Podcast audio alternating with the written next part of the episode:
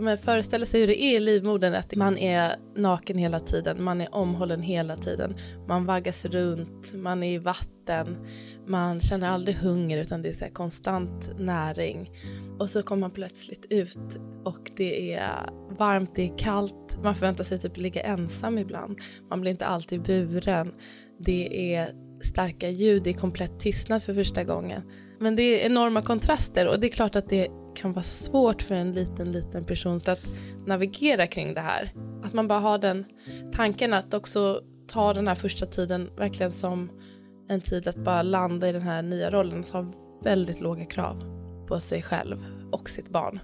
Att det här är bara en tid för att landa och återhämta sig och hjälpa barnet att långsamt få anpassa sig till det här nya livet.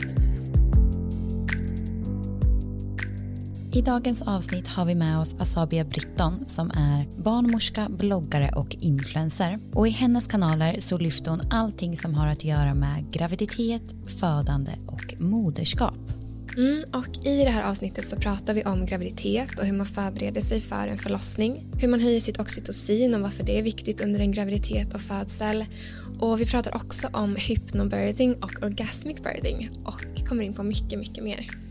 Vi har lärt oss så otroligt mycket i det här avsnittet och det här är verkligen ett avsnitt som är fyllt med så mycket värdefull kunskap och inspiration och vi tycker verkligen att eh, det här är kunskap som alla kvinnor borde få tillgång till innan man blir gravid.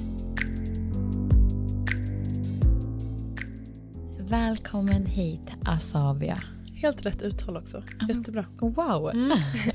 Tack så mycket. Härligt. Det är så kul att ha dig här. Jättekul att vara här. Vi pratade om det innan att vi eh, såg dig föreläsa på ett event som vi var på nyligen som mm. heter Birth Inspiration Day och eh, ja, men vi var ju golvade. Vad roligt. Och vi fick ju faktiskt se din förlossningsvideo här precis innan. Mm, så jag, suttit, alla att se den. Ja, ja. så jag har suttit med tårar i ögonen och värsta rysningarna. Ja. Så mäktigt. Ja, så idag känns det så himla kul för att vi har ju verkligen blivit ja, men frälsta i det här ämnet. Vi har ju inte varit gravida innan. Så det här med liksom födande och graviditet det är någonting som är lite nytt för oss. Mm. Så därför känns det så himla fint att bara få djupdyka eh, i det tillsammans med dig idag. Vad roligt. Ibland känns det ju som att man Alltså jag säger ju samma sak hela tiden så jag är bara så här, men nu vet alla det här. Men det, man kommer ändå på att nej, för det är alltid någon som det är helt nytt för. Så det är jättebra att påminnas om det. Exakt. Ja. Ja, mm. verkligen. Men jag tänker att vi börjar med den första frågan som vi ställer till alla våra gäster. Mm. Och vi tror någonstans att vi alla är här för ett mission, att det finns någonting som vi älskar att göra och som vi brinner för lite extra. Mm. Så vad skulle du säga är ditt mission? Mm. Jag skulle inte påstå att jag går runt och tänker så här, det här är mitt mission. Men om, om jag nu ska fundera på frågan så är det väl att jag önskar att jag kan bidra till att um, fler personer får en positiv födsel.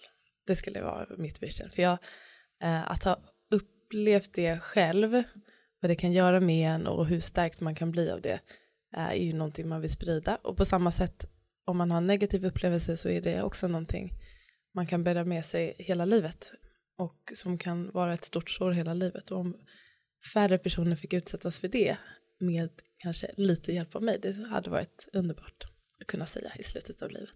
Mm. Ja, och det här missionet, eller det som du beskriver, är ju verkligen det du förmedlar på din Instagram till exempel, mm. med din blogg. Mm. Men nu har du drivit den Instagramen ganska länge, men när när blev du intresserad av kvinnohälsa, liksom om man går tillbaka i tiden och blev intresserad av födande och valde att faktiskt bli barnmorska? Mm. Jag har ju kompisar som är barnmorskor som typ visste från att de var små flickor, det är mest flickor, um, att de ville bli barnmorskor. Så var det inte för mig, utan det har varit liksom en lite snårig väg dit. Jag har provat massa olika utbildningar, liksom inte vetat vad jag ska göra, var inte jätteengagerad i skolan, så det var komvux och det var hit och dit. Och jag tänkte faktiskt bli läkare och kämpade väldigt länge för att komma in på läkarlinjen. Och sjuksköterskelinjen var lite så här plan B, att jag ändå kommer in i vården, jag kanske lär mig något för läkaryrket som jag sen ska börja med. Men under sjuksköterskeutbildningen då började jag jobba på förlossningen som undersköterska och då fick jag möta den här barnmorskekåren, se det här arbetet och det var väl då som jag fattade att det var inte läkare jag skulle bli, jag skulle bli barnmorska. Ja, så jag tror det var där det väcktes, eller där det cementerades i alla fall. Då släppte jag helt på läkardrömmarna och jag kände att det här var mycket mer min grej. Men redan som tonåring på ungdomsmottagningen så träffade jag barnmorskor och eh, kände att det här var, även fast jag inte kunde definiera vad, det, vad deras yrke hette eller exakt vad de gjorde så tyckte jag att det verkade väldigt häftigt och de verkade vara så här en cool kår typ. Och jag tycker att det, det stämmer ganska bra. Mm. Så himla fint. Och ja, när man följer dig då får man verkligen ja, den här känslan av att ja, du är ett med din kropp och att ja, du har en väldigt ja, så här, trygg känsla och tillit till din kropp. Mm. Hur skulle du säga att ja, men din relation till ja, men din kvinnliga biologi har varit och är? Har varit, alltså är eh, just nu väldigt okomplicerad och sund skulle jag säga. Jag tror att det som du beskriver är också sant. Jag känner mig väldigt trygg och bekväm i min kropp. Inte liksom på något överdrivet sätt att jag tycker allting är bra och det är liksom lite som man har lite krämpor och det är inte allting som ser perfekt ut så. Men jag är väldigt nöjd och tacksam för den och det är väl det man vill sträva åt tänker jag. Eh, och det också har blivit mer så efter att jag har fött barn. Alltså då är så tacksamheten för kroppen och vad den har gjort för mig är liksom enorm. Jag kan liksom inte vara elak mot den känner jag nästan. Eh, men precis som många andra kvinnor så när jag var lite yngre så har det varit uh, mycket mer av den här negativa självbilden, lite skev kroppsbefattning. Jag spenderade mycket tid åt att banta och att jag skulle gå ner i vikt. Alltså, jag är inte mycket för att ångra saker, men om jag hade kunnat göra om någonting så hade jag spenderat tid på något bättre än att hålla på med varenda diet typ som finns. Mm. Mm. Alltså så viktigt att förmedla det. Ja. För det är säkert andra som lyssnar som kanske är i samma situation. Mm. Och det handlar ju liksom om dålig självbild. Jag tänker om man försöker fylla, ja, man försöker kontrollera någonting eller må bättre i sig själv och göra det på det sättet man tänker att man kan. Men mm. nu är jag väldigt långt därifrån. Jag hoppas att jag aldrig hamnar där igen. Mm. Mm. Och det är så fint, för det har jag funderat på och tänkt på mycket kring. Men desto mer kunskap jag får kring ja, min kvinnliga biologi och man förstår ja, hur häftig kroppen är. Någonstans flyttas liksom fokuset från hur den ser ut mm. till att mer bara känna som du beskrev det här med tacksamhet. Att tänk ändå vad den klarar av. Men den klarar av att bära ett barn, den klarar av att ja, men jag kan uppleva alla de här sakerna som jag vill göra just nu.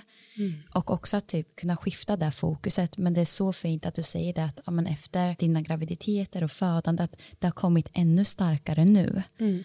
Och att kunna få den påminnelsen. Ja, verkligen. Det är verkligen en, en gåva som jag inte hade förväntat mig. Jag hade inte tänkt att det skulle bli en sån stark förändring efter barnen. För jag också, det är mycket som ser annorlunda ut såklart och som inte ser ut som kanske normen säger att man ska se ut. Men då försöker jag ändå tänka på just det, vem sätter normen och vem har sagt att det här är fint och det här är inte fint. Liksom, jag känner att jag har distans till det. Mm. Jag söker inte heller liksom, männens bekräftelse som jag gjorde väldigt mycket när jag var yngre. De mm. skiter helt nu. ja, men det tror jag att många som följer dig också ser att det du, det bildspråket som du har och väldigt mycket av det innehållet du lägger upp, det är liksom något annat än det här ja, men som man kanske såg mycket när man var yngre. Mm. Och det är väldigt uppfriskande. Mm. Verkligen. Tack. Mm. Um, ja, men du har ju gått igenom två graviditeter. Och eh, vi såg ju förlossningsvideon här innan på den andra graviditeten mm. som du gjorde en hemmafödsel. Mm. Men den första graviditeten, hur såg det ut när du blev gravid? Hur såg liksom processen till att bli gravid ut? Mm. Båda mina systrar fick barn typ något år, två innan mig. Så det, jag tror det var då det blev så här en realitet att det här är någonting som jag vill göra. Så jag bestämde, eller jag frågade min kille, typ, kan vi göra det? Men det var väldigt långt fram i tiden. Jag sa, men vi kan, typ om ett år kan vi försöka. Och det är väldigt, väldigt väl planerat för att vi hade en resa inplanerad långt innan. Han fick en födelsedagspresent och vi skulle åka på en resa typ så här åtta, nio månader fram. Och då, jag visste för jag har regelbunden mens, så jag visste att jag kommer ha ägglossning där. Så jag tänkte då ska jag försöka bli gravid. Och så vet man ju såklart aldrig. Men nu blev det, mitt schema funkade, så jag blev gravid på den där semestern. Månader fram. Uh, så jag hade den turen och sen, ja, så det blev som jag hade tänkt. Men sen så är det sådär när det väl hände och det gick som jag hade tänkt så blev jag ju ja, jag blev så chockad. Jag bara, vad sker? Nu kan jag inte ångra mig. Typ, ja, det var lite panik där i några dagar. Jag blev, ja men det är bara omvälvande, så himla stor grej. Mm. Att gå från att inte ha barn till att ha barn. Jag tycker det var mindre omvälvande liksom andra. Såklart. Mm. Och ja, men nu i efterhand, är det någonting du tänker att, ja, men, någonting du önskar att du hade vetat innan du blev gravid som du tycker att ja, men, alla borde känna till? Det där är så svårt att säga tycker jag, för varje graviditet är verkligen unik och varje födsel också. Och jag visste massa grejer. Jag var ju barnmorska, eller jag pluggade till barnmorska under min första graviditet och eh, när jag födde var jag färdig. Um, så jag visste mycket, men det som jag hade kanske önskat, och det är så svårt att ta på, men jag önskar att jag hade haft lite mer tillit till processen. Att um, inte oroa mig allt för mycket där på slutet och kanske mm, inte hade skyndat på det så som jag gjorde. Um, på vilket sätt skynda på? För, för min, min, del, det här är ju liksom lite unikt i mitt fall, men på olika sätt tänker jag att det kan vara värdefullt att ha tillit till processen och eh, även hur eh, diffus den låter, att försöka lyssna på sin intuition och kanske lita på den, för jag tror verkligen på att man, intuitionen är väldigt hög när man är gravid. Men för, i mitt fall var det så att eh, i slutet av graviditeten så mätte de min mage och då hade den sjunkit lite, man, man mäter livmoderns eh, storlek för att se att barnet växer ordentligt. Så hade den sjunkit lite och då frågade barnmorskan mig om jag ville göra ett ultraljud. Uh, idag hade jag sagt nej för det var så liten skillnad, alltså man, det, det där är så godtyckligt. Men jag sa ja, vi kollar.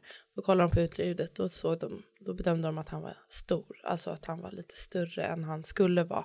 Och då började det bli tal om igångsättning för att, ja, att jag skulle kunna klara av att föda honom. Uh, och så var det fram och tillbaka med det här med igångsättning men jag ville inte sätta det igång och så blev det istället väldigt många hinsvepningar, vet ni vad det är? Nej. Nej.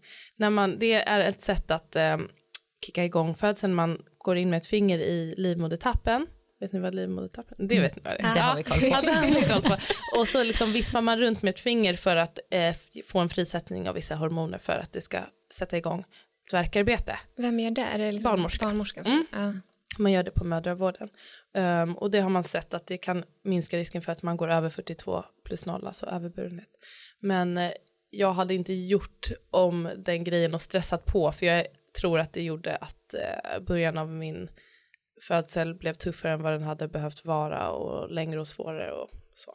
Um, och sen så var han ju inte stor alls. Det var ju fel. Och mm. det gick ju jättebra för honom ändå.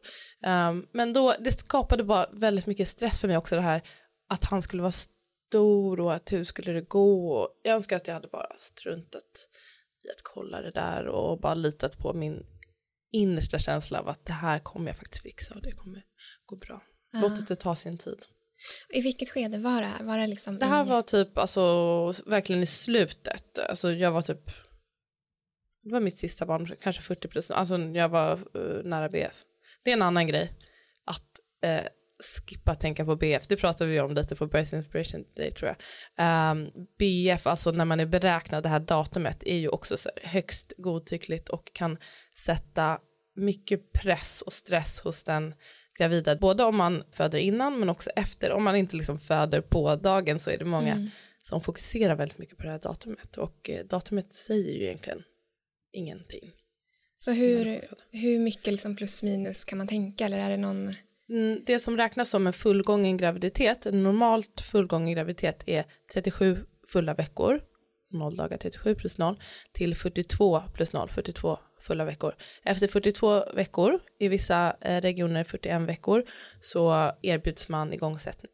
Säger erbjuds, allting är frivilligt. Mm. Mm. Det är också bra att trycka på. Ja, för det tror jag man också glömmer att mm. allting är frivilligt. Vården rekommenderar och gör det utifrån deras bästa kunskap och de vill en väl men man har möjlighet att säga nej och ställa frågor. Mm. Man behöver inte säga ja till allting. Och det är ja. nog där det blir väldigt viktigt att ha den här kunskapen som man också, för om man inte har kunskap då kanske man inte heller känner att man kan ta ett informerat beslut. Verkligen. Mm. Så att och inte vet vilka frågor man och kan ställa. Och så svårt liksom ja. mitt i den stunden också när man är liksom mitt i det, särskilt under en födsel, när man är, uh, alltså det är inte läge att börja få kanske massa information och börja fatta beslut. Så det är bra om man kanske kan informera sig lite innan. Ja, men så det är en fullgången graviditet. Um, men må många upplever typ att de har gått över tiden, bara de passerar BF, men det är det inte. Mm. Mm. Och nu kommer vi in lite på det här med födande. Mm. Och om det skulle vara så att man vill förbereda sig inför en förlossning, mm vad är liksom dina bästa råd? Dels då du själv har liksom fött två barn, men också som barnmorska. Mm.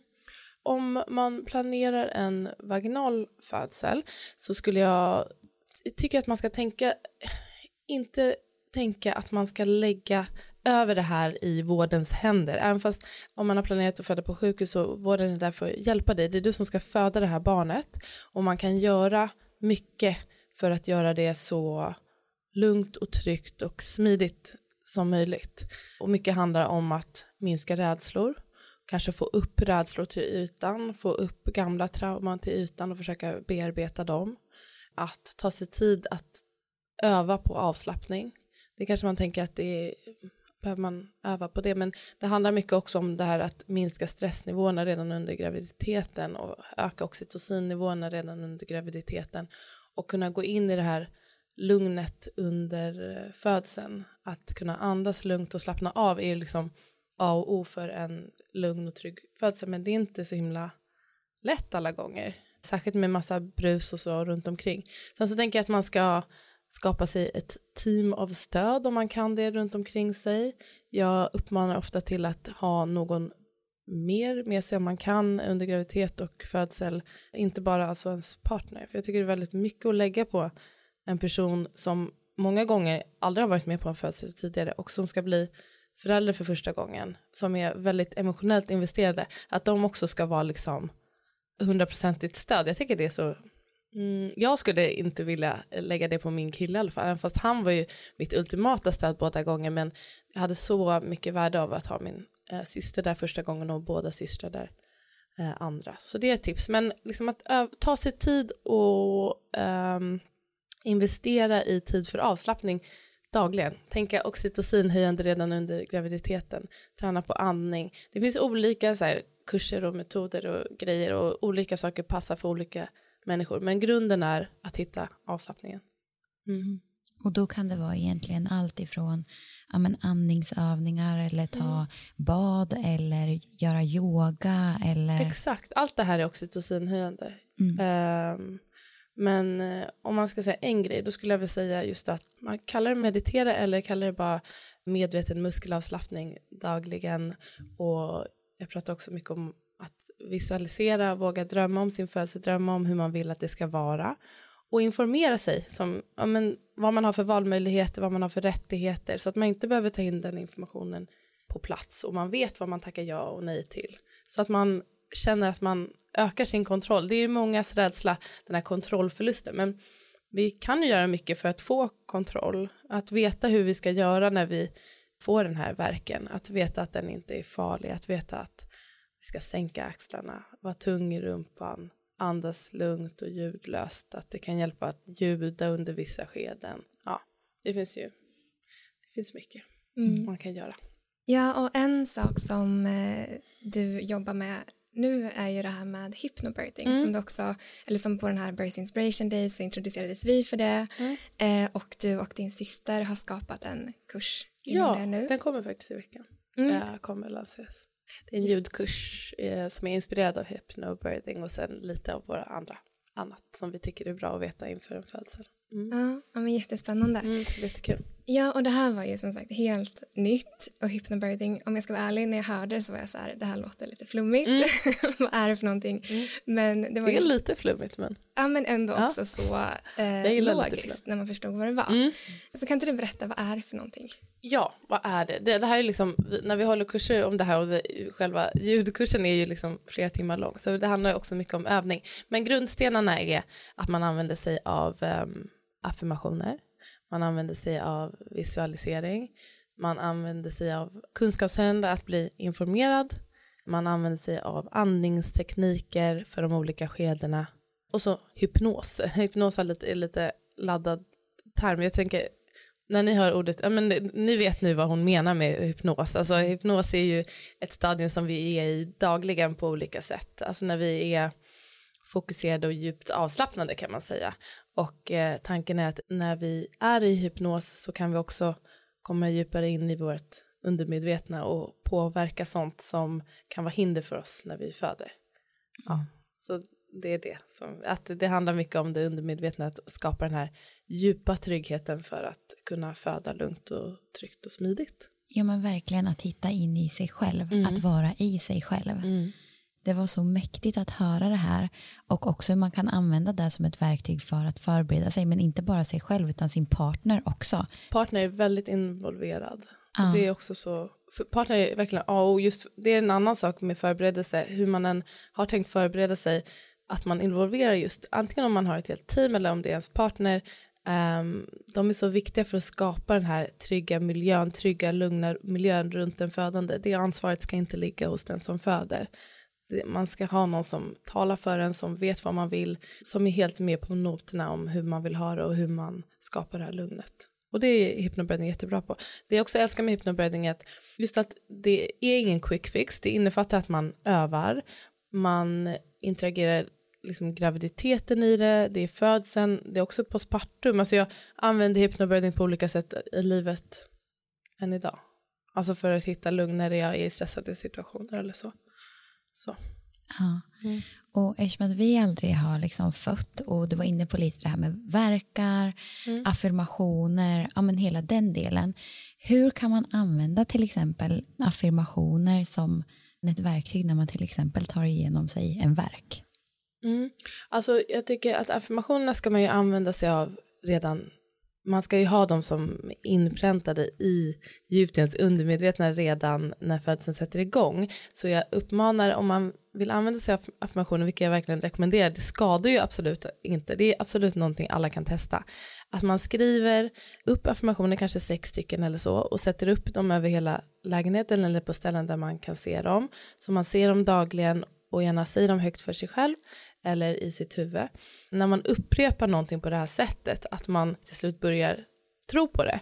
Ni vet säkert hur det där funkar. Man blir mer positivt inställd till sin födsel och har då sett att det också ger ett mer positivt utfall. För våra tankar är ju mycket vår verklighet. För min del så var det nästan som att de här affirmationerna rullade liksom i mitt huvud hela tiden. Det var som att någon läste upp dem typ i mitt huvud. Så är det ju inte för alla.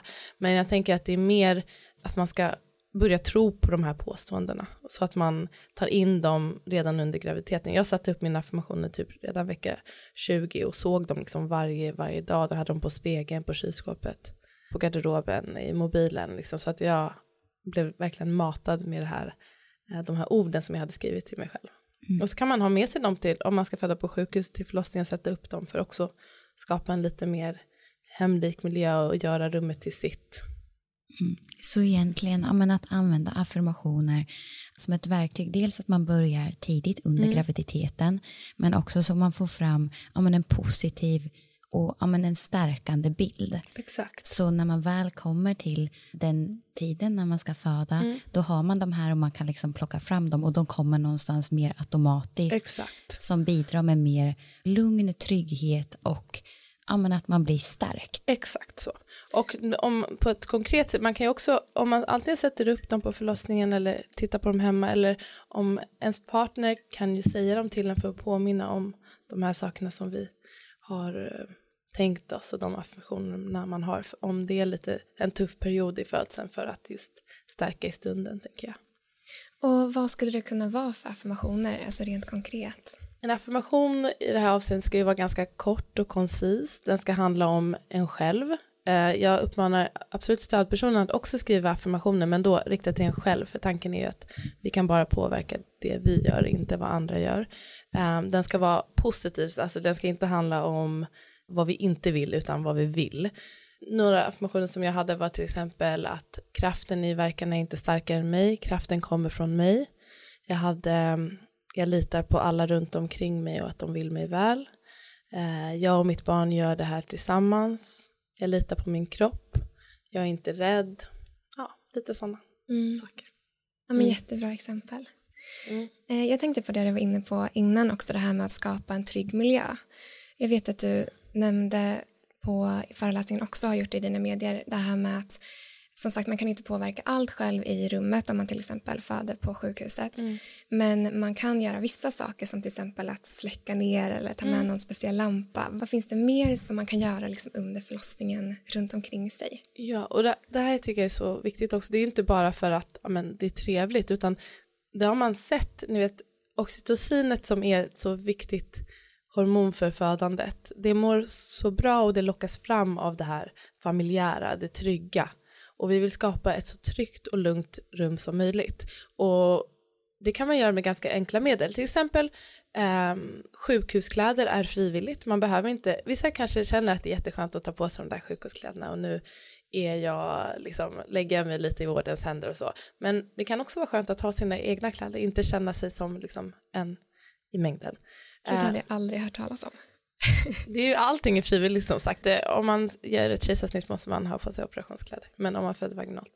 Eh, man kan eh, ha med sig en aromalampa. Min syster använder mycket, hon är gravid nu och uh, när hon gör avslappningsövningar dagligen så använder hon lavendeldoft för att det ska vara som ett ankare att hon vet sen när födseln sätter igång sätter hon på den här och hon förknippar det direkt till nu är det avslappning mm. som gäller. Det är kanske inte alla barnmorskor som gå med på det, men hon har haft med dem som dola och det har gått bra då. Man kan ha med sig som en ljusslinga för att skapa en mysig stämning. Man kan ha med sig en egen kudde, kanske någon målbild, typ bebisens kläder som man sätter upp på någonstans så man ser dem, eller sina affirmationer, eller man kan skriva som en liten lapp på dörren med så här till exempel om man gör hypnobirthing eller man har någon annan metod som man håller på med att skriva det och det är det här vi vill i, rum, i rummet. När ni kommer in här så vill vi att man ska prata tyst.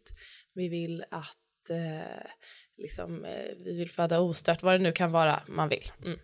Så, lite sådana saker. Mm. Ta beslag av rummet liksom. Mm. mm.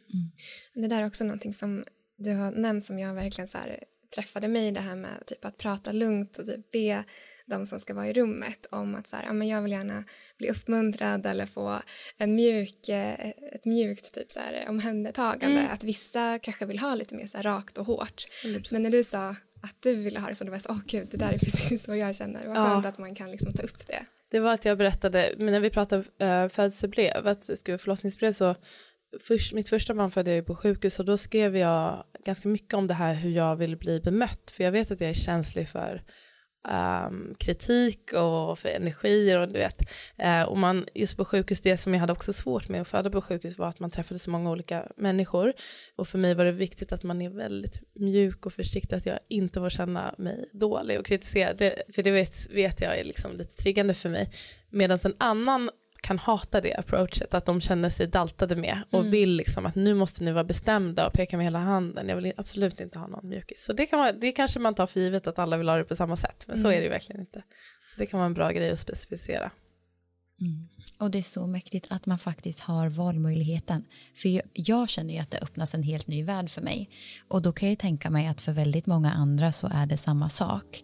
Och hur man faktiskt ja, men, vi pratade lite om det här med kontroll och men att det finns vissa saker som vi faktiskt kan kontrollera och skapa förutsättningar för. Mm. Men att få veta om vilka de sakerna är som vi kan påverka. Mm. Det tror jag verkligen kan skapa tillit och trygghet i den situationen. Mm. Jag tror också det, hoppas det. Mm.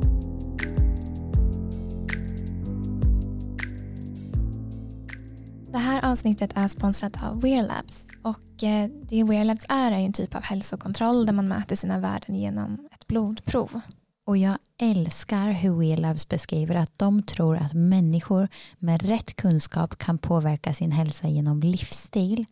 Och det här är ju exakt i alignment med Women Sync och vad vi står för. Ja, verkligen.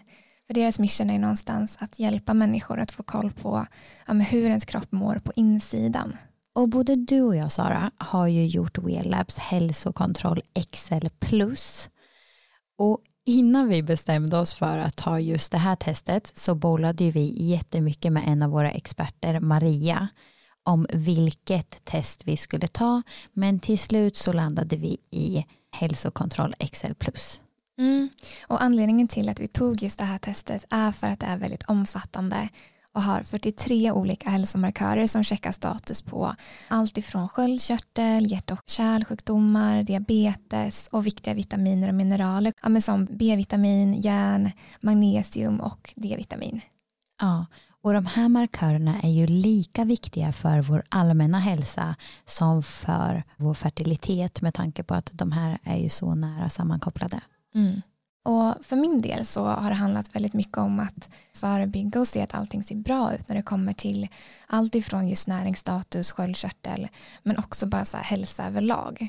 Och det har ju egentligen ja, varit exakt samma sak för mig och framför allt att kunna börja jobba med de här delarna i tid. Mm. Och jag gjorde mitt test i maj och där visade bland annat att jag hade väldigt låga värden på just järn trots att jag tog tillskott. Så efter att jag gjorde testet så gjorde jag flera förändringar i min kost. Och förändringarna jag gjorde var egentligen att få i mig mer järn via maten jag äter för att ja, men helt enkelt kunna stötta kroppen ytterligare för att kunna höja mina järndepåer. Och det bästa med just testning är att man ser ja, svart på vitt hur kroppen mår på det inre. För många sjukdomar verkar i det tysta, så det här är ett sätt att istället kunna uppmärksamma om man har riskfaktorer tidigt så att man kan förebygga för sjukdomar som annars kanske dyker upp senare i livet.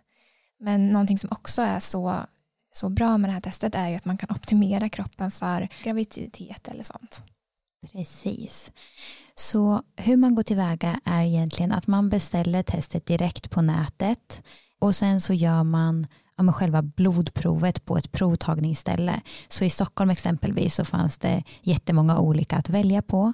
Sen så går man bara dit och eh, ja, men det här var ju typ klart på tio minuter. Mm, det gick jättesmidigt. Och från det att man har gjort själva testet så får man provsvaren inom 48 timmar. Och i de här provsvaren så får man kommentarer från en läkare och sen en sammanfattning i slutet på vad testet visade vilket ja, men, ger liksom en bra överblick för det kan vara ganska svårt att förstå vad markörerna visar annars. Ja, och vi tycker att WeLabs är en fantastisk tjänst och har ju själva använt den innan vi ja, valde att göra det här samarbetet tillsammans med dem. Och vi är så himla glada att vi har förmånen att dela en rabattkod med er som vi önskar att vi hade haft när vi beställde de här testerna. Så använd rabattkoden WomenSync i ett ord med små bokstäver för 10% rabatt. Tack Wearlabs. Och du var inne lite på det här med oxytocin mm. eh, och olika ja, men, aktiviteter eller saker som kan höja oxytocinet. Mm. Men för de som lyssnar och kanske inte alls har hört det här begreppet tidigare eller varför det kan vara viktigt vid just födande, kan inte du bara berätta lite kring det? Mm. Oxytocin är ett hormon, en signalsubstans som börjar bildas i hjärnan som vi har liksom i kroppen hela tiden. Men under graviditet och födsel och framför allt när barnet väl är fött och moderkakan ska ut så stiger det här markant. När födseln kommer igång så stiger oxytocinet för oxytocin behövs för att, behövs för att livmodern ska kunna arbeta och dra ihop sig. Oxytocin är samtidigt smärtlindrande och lugnande det här är alltså det, kropps, det som bildas i våra kroppar. Det finns även oxytocin som man ger som läkemedel som verkstimulerande dropp.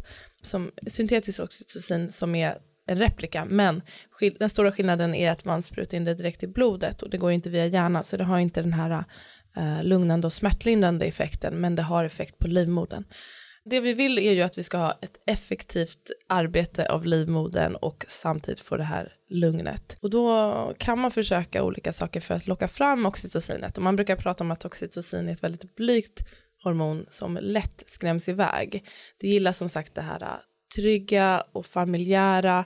Det jämförs så himla bra med sexuella sammanhang. När man, oxytocinet är också högt när man känner lust och njutning och välbehag. Och det är en bra jämförelse tycker jag att om man har sex och man är helt inne i det och njuter, om någon klampar in och ska börja prata med dig eller tänder lampan, typ, då kan ju lusten försvinna sådär. Mm. Det är samma med födandet. Det är en väldigt känslig process, det är en väldigt känslig dynamik och man måste vara liksom lika försiktig, tänka på det som lite samma sak. Alltså lika snabbt som lusten kan försvinna så kan födandets rytm försvinna. Och då olika saker, oxytocinhöjande, mm, som sagt dämpad belysning, liksom dova ljud, inte så mycket skrik och spring, beröring som är trygg och lätt, värme i form av bad, dusch, bastu under graviditet, lite så här ombonade små rum, typ badrummet kan vara ett stä sätt, eh, ställe som många navigerar till av den anledningen. Och orgasm, njutning överhuvudtaget. Mm. Ja men orgasm och orgasmic birth är ju någonting som du också har tagit upp och som mm. är, alltså är precis kopplat till det här. Vad, men vad är det för någonting? Um, det handlar just om, alltså att föda barn, då använder man ju sina sexualorgan, men det är någonting som man kanske inte tänker så mycket på. Det är, orgasmic birth handlar om att man kan också njuta av barnafödandet. Vissa får orgasm när de föder. Orgasmen behöver ju inte vara kanske nödvändigtvis lik en orgasm man har fått annars. Um, jag frågade mina följare om hur de, om man hade upplevt det och hur de upplevde det då. Många pratade om, vilket jag själv, själv kan känna igen från min andra födsel, att det var mer den här, uh, du vet, frisättningen och frisättningen, uh, urladdningen, kanske mer än det sexuella. Men om ni fattar vad jag menar, ja, att den fanns och var liksom väldigt maxad. Men vissa sa också att det var som den liksom mesta orgasmen de någonsin har fått i sitt liv. Wow. Typ. Um, och många känner ju kanske, eftersom det här inte pratas särskilt mycket om, det är absolut inte forskat på tyvärr, så var ju många också som var bara så här, är det här en grej? Jag skämdes typ, jag visste inte vad som hände, varför blev jag också så kåt under, uh, under tiden jag födde? Om man inte vet att det är, jag tror att det är mycket vanligare än vad man tror. Men om man inte vet om det så kan man ju såklart tänka att det är typ lite udda. Men det är inte så konstigt just att det är den här kopplingen med oxytocinet. Vi vet också att om man stimulerar liksom klitoris eller får mer njutning och man kan känna det här under födandet, då får man ju också mer oxytocin, man får starkare uh, verkarbete, effektivare födsel och så. Ja, så om det är någon som tänker så här, okej okay, men det här vill jag uppleva, mm. eh, hur, hur, liksom, hur skapar jag förutsättningar för det? Då är det just egentligen alltså oxytocinet, alltså att man ska vara avslappnad, lugn och sen, mm, sen det känns så, inte som man kan bestämma. Nej, utan... jag, tror, jag vet inte, jag, det kan jag för lite om, jag vågar inte säga, som sagt det är inte något som är välstuderat eller så, men eh, man kan ju också alltid prova, vilket kanske är lättare när man är hemma och känner sig helt trygg och ensam, men man eh, kan ju prova till exempel göra någonting som känns skönt, stimulera klitoris, särskilt om det är så att det stannar av lite grann, att det är ett sätt att få igång det. Och redan under graviditeten att man har det här som, om man pratar oxytocinhöjande aktiviteter så är ju verkligen orgasm och sexuell njutning en sån. Om man kan få in det i sin dagliga rutin så är det jättebra för att också lära känna kroppen. Och kanske bara våga, våga öppna upp för att det inte är något konstigt eller udda. Det är ganska mm, givet att man, just att man, man får ju mycket njutning av de här organen och det är de vi använder i allra högsta grad när vi föder. Mm. Så jag tycker inte, man ska se det som något positivt om man kan känna det och man mm. kan bara utforska det själv. Ja, och där kan man ju stimuleras på olika saker. Det behöver inte vara klitoris utan det kan ju vara andra saker som Verkligen, man tycker om att kyssar bli. Kyssar eller kram, Exakt. allt det här. Ja. ja. Jag tycker det är så logiskt egentligen. Alltså när man hör det här så är det så här, ja men det är självklart att det är ja. så här, kroppen det är genom våra könsorgan vi ska föda. Mm. Och det är klart att det ska liksom att det ska kännas härligt att man vill förbereda kroppen för att vara i ett bra stadie. Mm. Så det är så, här, det är så ögonöppnande men också på ett sätt känns det så självklart. Mm. Ja, verkligen. Jag har också, det är bara på senare tid som jag verkligen har öppnat upp ögonen för det. Och nu också när jag tänker efter på min andra födelse så kände jag ju som sagt nog det här, just framförallt under kryssskedet, att det var så skönt. Och det var därför också det var så svårt att inte, när jag skulle ta det lite lugnt och inte trycka på, jag kommer ihåg att jag sa till Sapida att det går, jag kan inte inte trycka, för det var så, just den här urladdningen, det var mm. väldigt skönt. Och det var, jag vet inte om jag skulle beskriva som orgasm, men bara att det var härligt, det var inte smärta så, utan Mm. Snarare härligt. Men, snarare, men på första barnet då hade jag ju tung bedövning så det är väl en grej att jag skulle vilja påstå att det är svårare om man är tungt bedövad såklart. Det kan ju ha andra fördelar. Mm. Mm. Och din, din andra födsel var ju i vatten. Mm. Det här är också någonting som vi hade dålig koll på så det skulle vi jättegärna vilja höra mer mm. om. Alltså att, att föda i vatten och ja, vad innebär det? Varför kan det vara skönt? Det har ju varit pågått i olika delar av världen under lång tid. Det är nu på senare tid som kommer mer och mer i Sverige. I Stockholm så tror jag att är det alla förlossningskliniker? Jag tror att det är alla förlossningskliniker som nu har badkar och erbjuder vattenfödsel. Kanske inte alla barnmorskor som är bekväma, men det är ändå lite mer etablerat. Det var ett tag som man slutade med det för att det var en händelse i, under en vattenfödsel som slutade på ett dåligt sätt, men sen har man förstått att det var inte kopplat till att det var i vatten. Men eh, man har sett att det bland annat minskar risken för eh, bristningar. Det är ganska givet för att det hjälper ju blodgenomströmningen ja, det är väl den anledningen. Och sen så det här med att oxytociner flödar med beröring. Jag tänker att badet blir ju verkligen som en mjuk beröring över hela kroppen. Samtidigt som man får den här en trygg sfär runt sig som man får vara liksom lite ensam i men ändå ha som att någon, vattnet håller om en. Också framförallt när man föder hemma så föder ju de flesta i vatten för det är också en fantastisk smärtlindring upplever många. eh, upplevde jag själv. Jag vet inte hur det hade gått om jag inte det hade kanske gått bra, men det var verkligen en jättebra smärtlindring. Jag märkte det med första barnet också när jag fick bada hur det var otroligt mycket lättare att hantera verkarbetet och då var jag tvungen tyvärr att gå upp av olika anledningar och då hade jag svårt att hantera det och då var då jag behövde all den här smärtlindringen. Så det var så tydligt att det är verkligen ja, men smärtlindrande. Mm. mm. Och sen kanske om man inte känner till hur det funkar så kanske man undrar hur, vad händer när barnet kommer ut i vatten? Barnet ligger ju i vatten i magen, i fostervatten, så den går från vatten till vatten och precis som barnet inte andas, in, andas liksom i, i magen så gör den inte heller det i badvattnet förrän den når luft. Men eh, det finns vissa kriterier för att det ska passa att föda i vatten och det ska vara att allting ska vara liksom helt normalt. Barnet ska inte ha tecken på stress, man ska vara frisk och så vidare.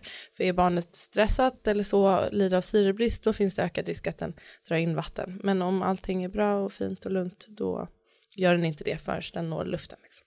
Mm. Det blir en väldigt lugn transition också för barnet upplever jag, att det inte direkt komma ut i den här i luften direkt, och, utan att gå från vatten till vatten på ett väldigt lugnt och smidigt sätt. Ja.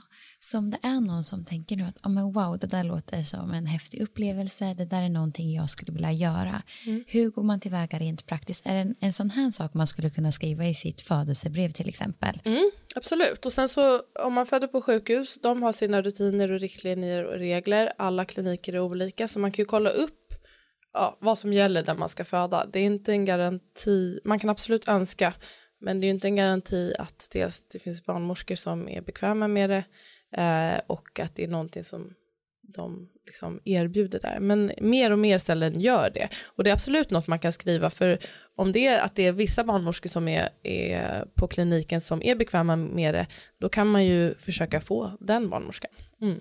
Och jag upplever också att många är intresserade av att lära sig, så att eh, jag upplever att det är en öppenhet kring det.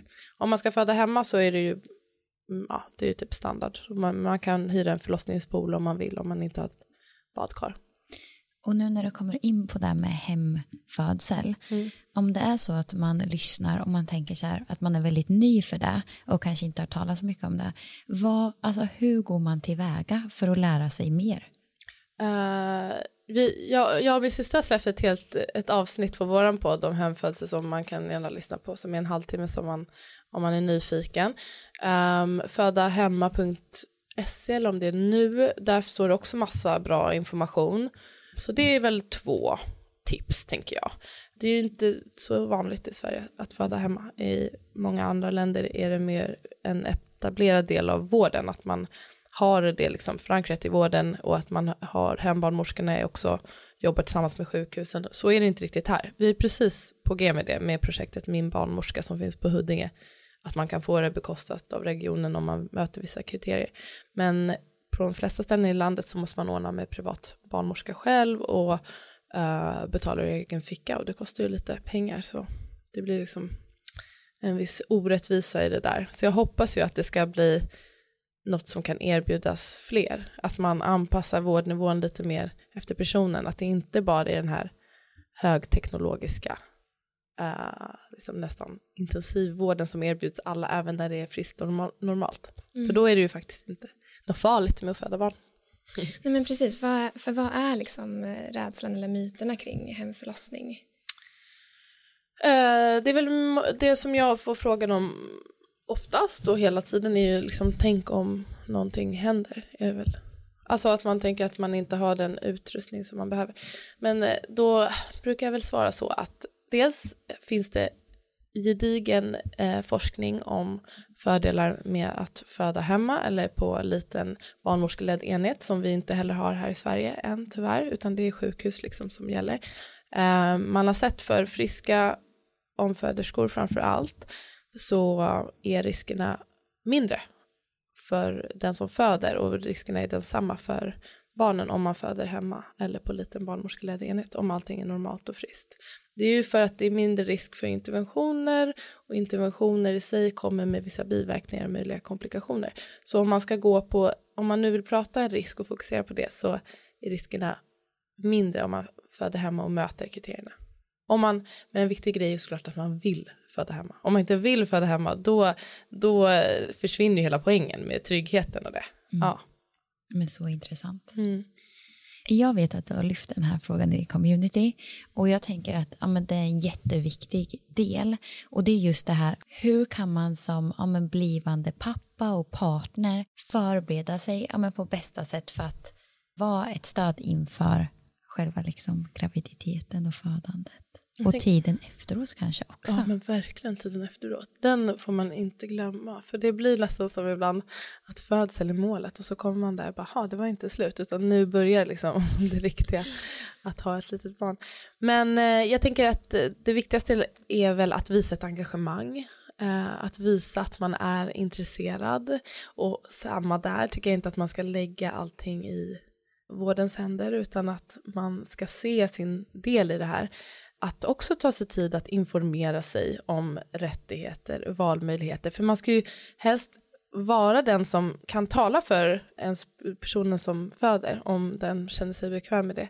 Att man är med och skriver förlossningsbrev, att man har full koll på vad den som föder vill ha, tänker jag är superviktigt. Att man också läser på om vad är det för tecken jag ska titta efter, hur kan jag vara liksom avslappningspolisen här under födandet, att att lära sig att det handlar om liksom axlar ner, slät panna, hur andningen ska låta, eh, vad som gör den födande lugn, hur man kan skapa den här oxytocinbubblan och trygga miljön. Att man helt enkelt engagerar sig och lär sig lika mycket och, och liksom visar ett intresse. Eh, jag tror att många upplever att det är mm, är liksom den mamman då oftast själv som tar till in all information och är intresserad och engagerad och lär partnern. Det är ju väldigt uppskattat och kul om partner också kan visa liksom intresse och lite framfötter. Och jag älskade hur ni beskrev det här på föreläsningen, om det var ni eller om det var någon annan, med just det här att man som kvinna oftast är projektledare. Mm. Men att när man ska föda, att då bara få släppa alla de här sakerna och att det någonstans är partner som bara, ja men det är det här, alltså att den personen har koll på alla saker. Ja. Så när man kommer in på förlossningen, att då ska inte eh, jag som mamma behöva stå och rabbla mitt personnummer, utan då är det så här, hej jag tar lead, nu kör vi liksom. För man ska tänka kanske, alltså att det ska ju vara som en bubbla runt den här som föder och att man verkligen ska kunna gå in i sig själv och hitta fokus och trygghet. Det är så, som sagt så lätt att det rubbas och då vill man inte hålla på och svara på frågor och fatta beslut och grejer och då är det så skönt om man vet att man har någon som har full koll på vad jag vill och behöver och hur jag ska få uh, hur jag ska skaffa mig den här uh, trygga bubblan. Mm. Där har man en superviktig roll. Jag tänker också som partner att man ska öppna upp för idén om en dola eller extra stöd för det kan vara väldigt värdefullt och det är inte, tar inget ifrån partners roll alls, utan snarare förhöjer den och kan hjälpa partner att vara bästa stödet.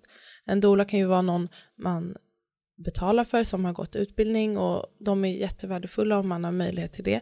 Men en doula kan också vara ens mamma, ens syster, en god vän, någon som man känner sig trygg med, som inte är lika emotionellt investerad och som bara är där för att stötta. Mm. Jag vill verkligen slå ett slag för, särskilt under de här tiderna när det är lite osäkert vackert med liksom, eh, barnmorskornas möjlighet att vara på rummet och så.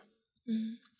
Och vad kan man börja med som, alltså, med sin partner under graviditeten? Är det liksom att gå en hypnobirthing-kurs eller ska man börja läsa något tillsammans? Eller liksom när och var börjar man? Jag tänker man kan kolla upp lite olika. Jag, jag, jag gillar ju hypnobirthing jättemycket. Jag tyckte det var väldigt hjälpsamt för mig och jag gillar hur det integrerar graviditet och födsel och tiden efter som sagt. Så jag tipsar om det. Men inget är för alla säger jag alltid, det är olika vad, vad man dras till, men det finns ju också föda utan rädsla, det finns lite olika grejer. Så man kan väl bara söka på typ förlossningsförberedande eller så, profylax, kanske se vad som talar till en. Men absolut, hypnobirthing tycker jag är toppen. Och att man som partner också tänker på det här oxytocinhöjande, att liksom serva och laga mat till personen, gärna daglig fotmassage om man får till det, att se till att den gravida får en chans att slappna av och få tid för avslappning, att det är verkligen en förberedelse i sig, att minska stressnivåerna och låta oxytocinet komma fram istället. Ja, och jag tror det här är så fint för ja, men partnern, för tänk ändå att ja, men för dem, alltså, i deras kropp händer ju ingenting. Nej. Men att kunna få vara involverad och försöka förstå mm. Att det blir en process för dem eh, att förbereda sig för ja, barnet som ska komma och pappan. Men också det kan jag tänka mig att ibland är det ju skönare att vara i det själv än att behöva vara liksom utomstående. Mm. Då tänker jag så här, när man föder att ibland är det bara så här, jag gör det hellre själv än att se någon annan ha det liksom så utmanande. Mm. Så att då bara så här, men hur kan jag hjälpa till på allra, allra bästa sätt? Att det blir liksom en trygghet och ja, men någonting skönt för partnern som mm. är med. Och det måste vara så mycket skönare också att man har lite koll typ på ja, men vad, vad man kan förvänta sig. Lite hur, som sagt, varje födsel är unik, men att man har lite koll på skeden och eh, vilka känslor som kan komma fram och vad man kan möta för typ rutiner och frågor och grejer på sjukhus. Att man känner sig förberedd, det måste också öka känslan av kontroll. Och jag tror att många kanske känner sig i vägen eller hjälplösa eller onödiga till och med på uh, rummet och det kan ju inte vara längre än från, eh, från sanningen. För som sagt, oxytocinet älskar det familjära och det mest familjära som finns är ju oftast partnern och dens mm. röst och dens närvaro. Så där har man, man har en jätte, jätteviktig roll, att man vågar också så här gå in i den och ta plats där. Du är så värdefull eh, under födandet. Alla personer som är på rummet när man, någon föder är, påverkar födseln, men kanske allra mest partner skulle jag säga. Mm. Och när vi pratar om förlossningsförberedande så nämnde du och Sepide två verktyg eh, som du har använt och som ni eh, har båda liksom rekommenderat till beroende på vem man är såklart. Och det var nattljusolja och hallonbladste inför förlossning. Eh, kan du inte berätta lite mer om vad det är eller varför det kan vara bra? Mm, eh, jag gick liksom på Sepides rekommendationer. Det jag ska säga, alltså mm, jag, jag, vi får inte, jag rekommenderar inget så. Jag säger vad jag har gjort och sen så är det bra kanske om man får en rekommendation själv utifrån sin, sina förutsättningar och så och när man har pratat med sin barnmorska. Men eh, jag ser inget farligt med att testa. Kanske nattljusoljan kan man skippa om det är så att man har haft en väldigt snabb födsel innan eh, och inte vill att det ska gå ännu snabbare. Men eh, hallonbladste, det är te som jag, jag drack det dagligen från typ vecka 36 plus 0. Um, ehm, tanken är väl att det ska ge lite effektivare eh, verkarbete och minska eh, smärta vid efterverkar och ge minskad blödning. Så tror jag att det är. Jag, skrivit, jag skrev faktiskt ett blogginlägg när jag började ta det här, vad det finns för forskning kring det. Det finns inte mycket forskning, men eh, jag tycker inte heller, forskning är inte allt. Det finns lite forskning om mycket som har med kvinnor att göra, så mm. eh, man har inte alltid forskningen i ryggen. Men nattljusoljan, den är ju alla hem hembarnmorskor jättestarka förespråkare av för att göra livmodertappen så mjuk och följsam som möjligt. Jag vill dock att man inte ska känna att inget av det här är ett måste. Kroppen kan föda barn utan några hjälpmedel alls, utan några kurser, någonting alls. Men man kan ju göra vissa saker som kanske gör det lättare, smidigare. Och nattljushålla är en sån grej. Eh, jag har också skrivit på bloggen hur jag doserade, det var liksom dels ta oralt och eh, vaginalt. Och tanken är att det ska göra livmodertappen mjuk och göra verkarbetet lättare och smidigare och kanske lite snabbare. Mm. Ja, det är svårt att, man vet ju inte hur det hade varit utan, men uh, jag minns att på, när jag gjorde, jag bad att få bli undersökt från, från min, barnmorska på mödravården, hon sa det utan att veta att jag hade tagit nattljusolja, att wow, det är mjukt som smör så här, innan, så jag var yes, det är nattljusolja. och det gick ju väldigt smidigt, måste jag säga. Underbart.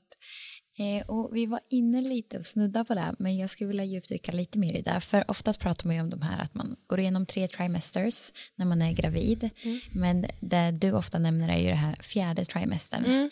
Eh, så kan inte du berätta, ja, men vad innebär det mer specifikt och vad kan liksom vara viktigt att lyfta kopplat till den? Mm, det var, jag tror att det var en amerikansk lä äh, läkare som myntade den termen. Definitionen är alltså de tre första månaderna efter att barnet är fött. Och det är liksom en liten mm, blinkning till att eh, det är för barnets del och för den som precis har fött på många sätt som en förlängning av graviditeten. Teorin är att vi människor föds lite tidigare än vad vår utveckling kanske hade velat. Vi är väldigt eh, hjälplösa på många sätt jämfört med många andra däggdjur när vi eh, föds. Och man tänker då att det kanske har att göra med att vi har så stora hjärnor och huvuden att vi hade helt enkelt inte kunnat komma ut mycket senare för att få plats genom ett kvinnligt bäcken.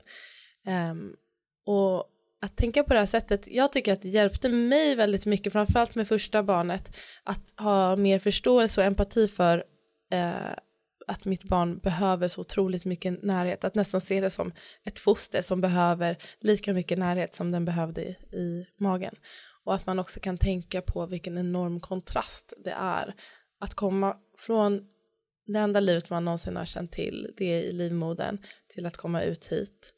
Att ja, men föreställa sig hur det är i livmodern, att det är liksom man är naken hela tiden, man är omhållen hela tiden, man vaggas runt, man är i vatten, man känner aldrig hunger utan det är så konstant näring. Det är ett trångt utrymme, det är mörkt, det är dova ljud och så kommer man plötsligt ut och det är varmt, det är kallt, man är inte, man förväntar sig typ ligga ensam ibland, man blir inte alltid buren, det är starka ljud, det är komplett tystnad för första gången. Ja, men det är enorma kontraster och det är klart att det kan vara svårt för en liten, liten person som också är ganska mentalt eh, simpel, liksom. alltså svårt att navigera kring det här.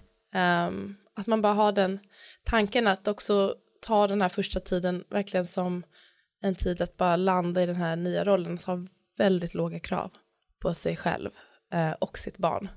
Att det här är bara en tid för att landa och återhämta sig och hjälpa barnet att långsamt få anpassa sig till det här nya livet.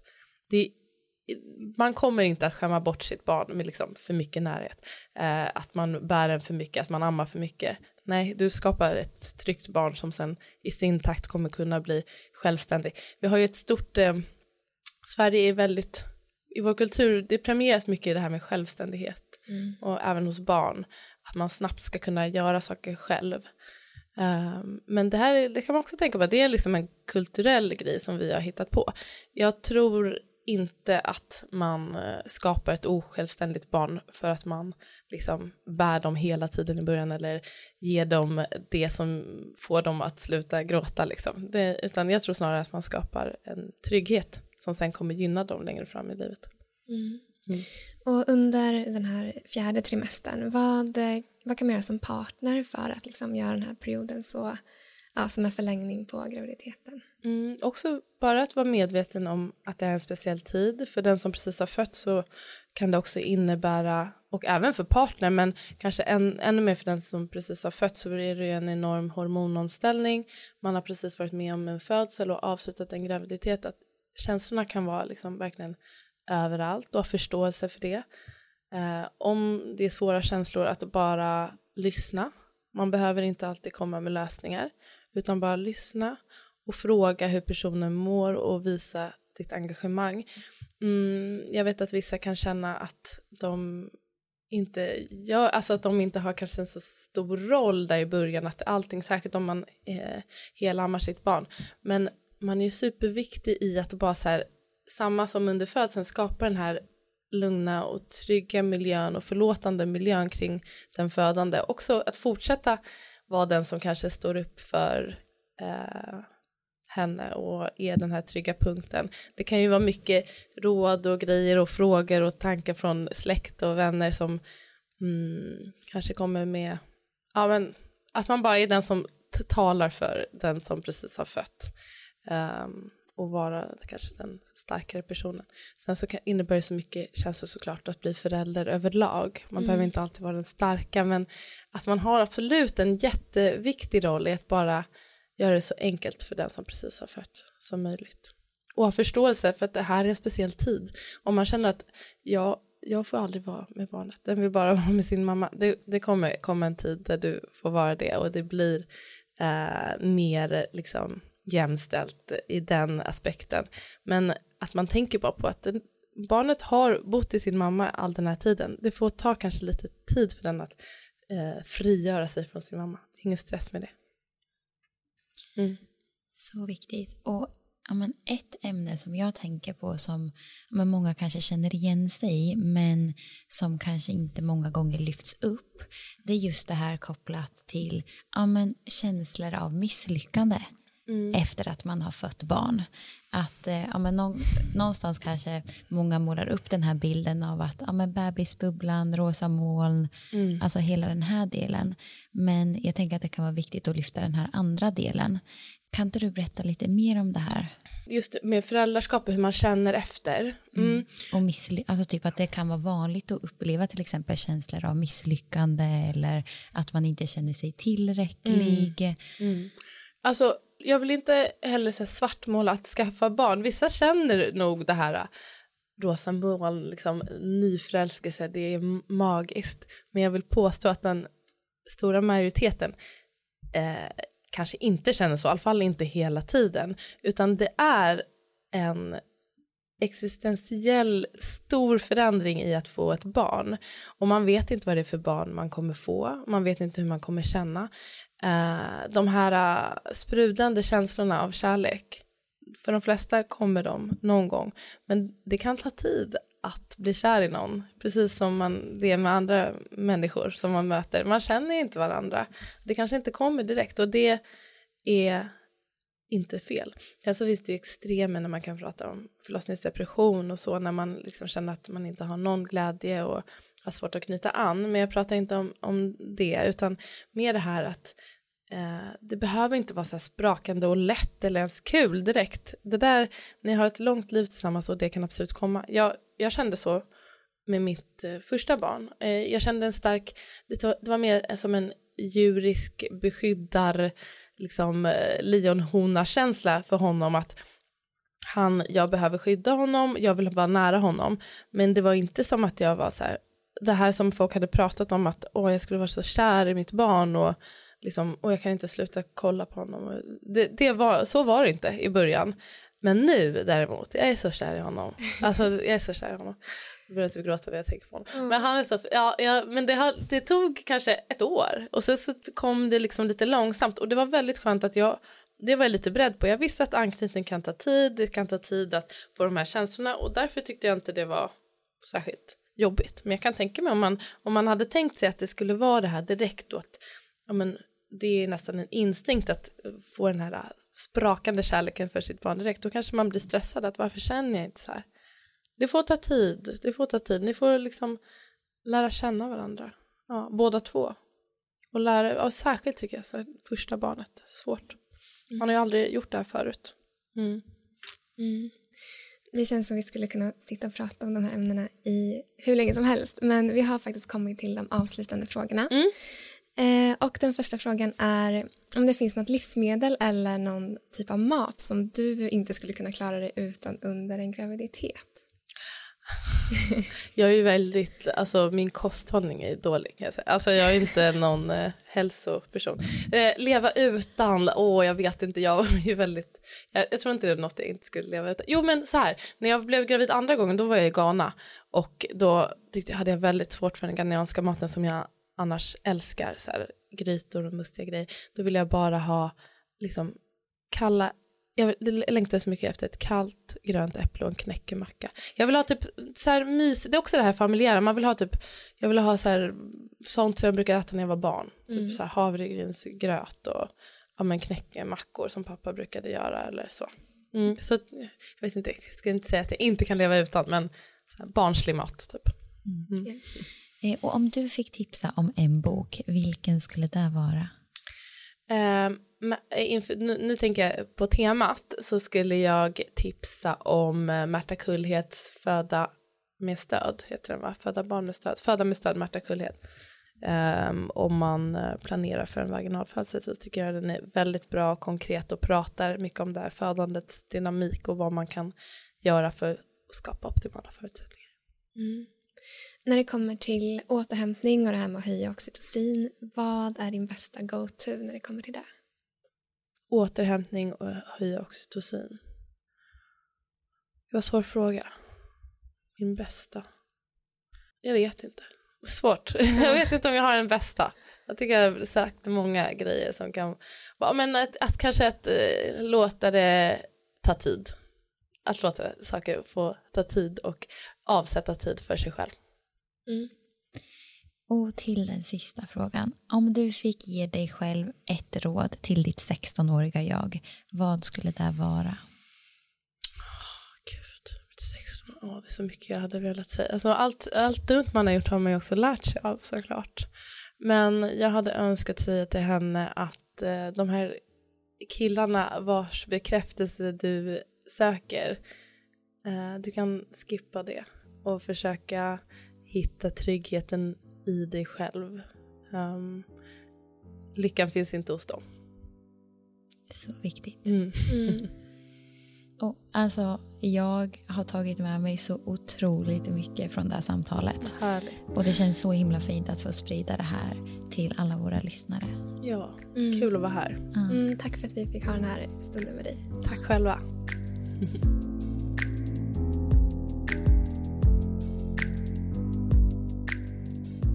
Vi vill bara passa på att lyfta vår nya produkt Chica Roast.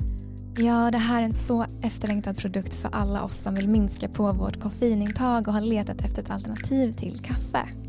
Ja, för vi har ju faktiskt letat och letat efter ett alternativ som ja, skulle påminna om kaffe i smaken men som inte rubbar hormonerna och inte urlakar kroppen på viktiga näringsämnen.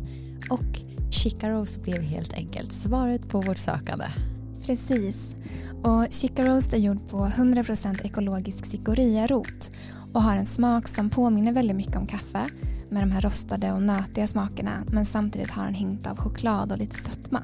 Den är ja, men, så god och vi vet ju hur viktig ja, men, den första koppen kaffe är på morgonen för ja, men, många av er och ja, men, nu har vi äntligen hittat ett alternativ som toppar kaffe. Verkligen. Och det bästa med den här produkten är att den till störst del består av den prebiotiska fibern inulin. Och inulin kan ha en mängd positiva effekter för både matsmältning och även för blodsockret. Och dessutom så har den lugnande effekter så man kan dricka det på eftermiddagen och på kvällen utan att det påverkar vår sömn.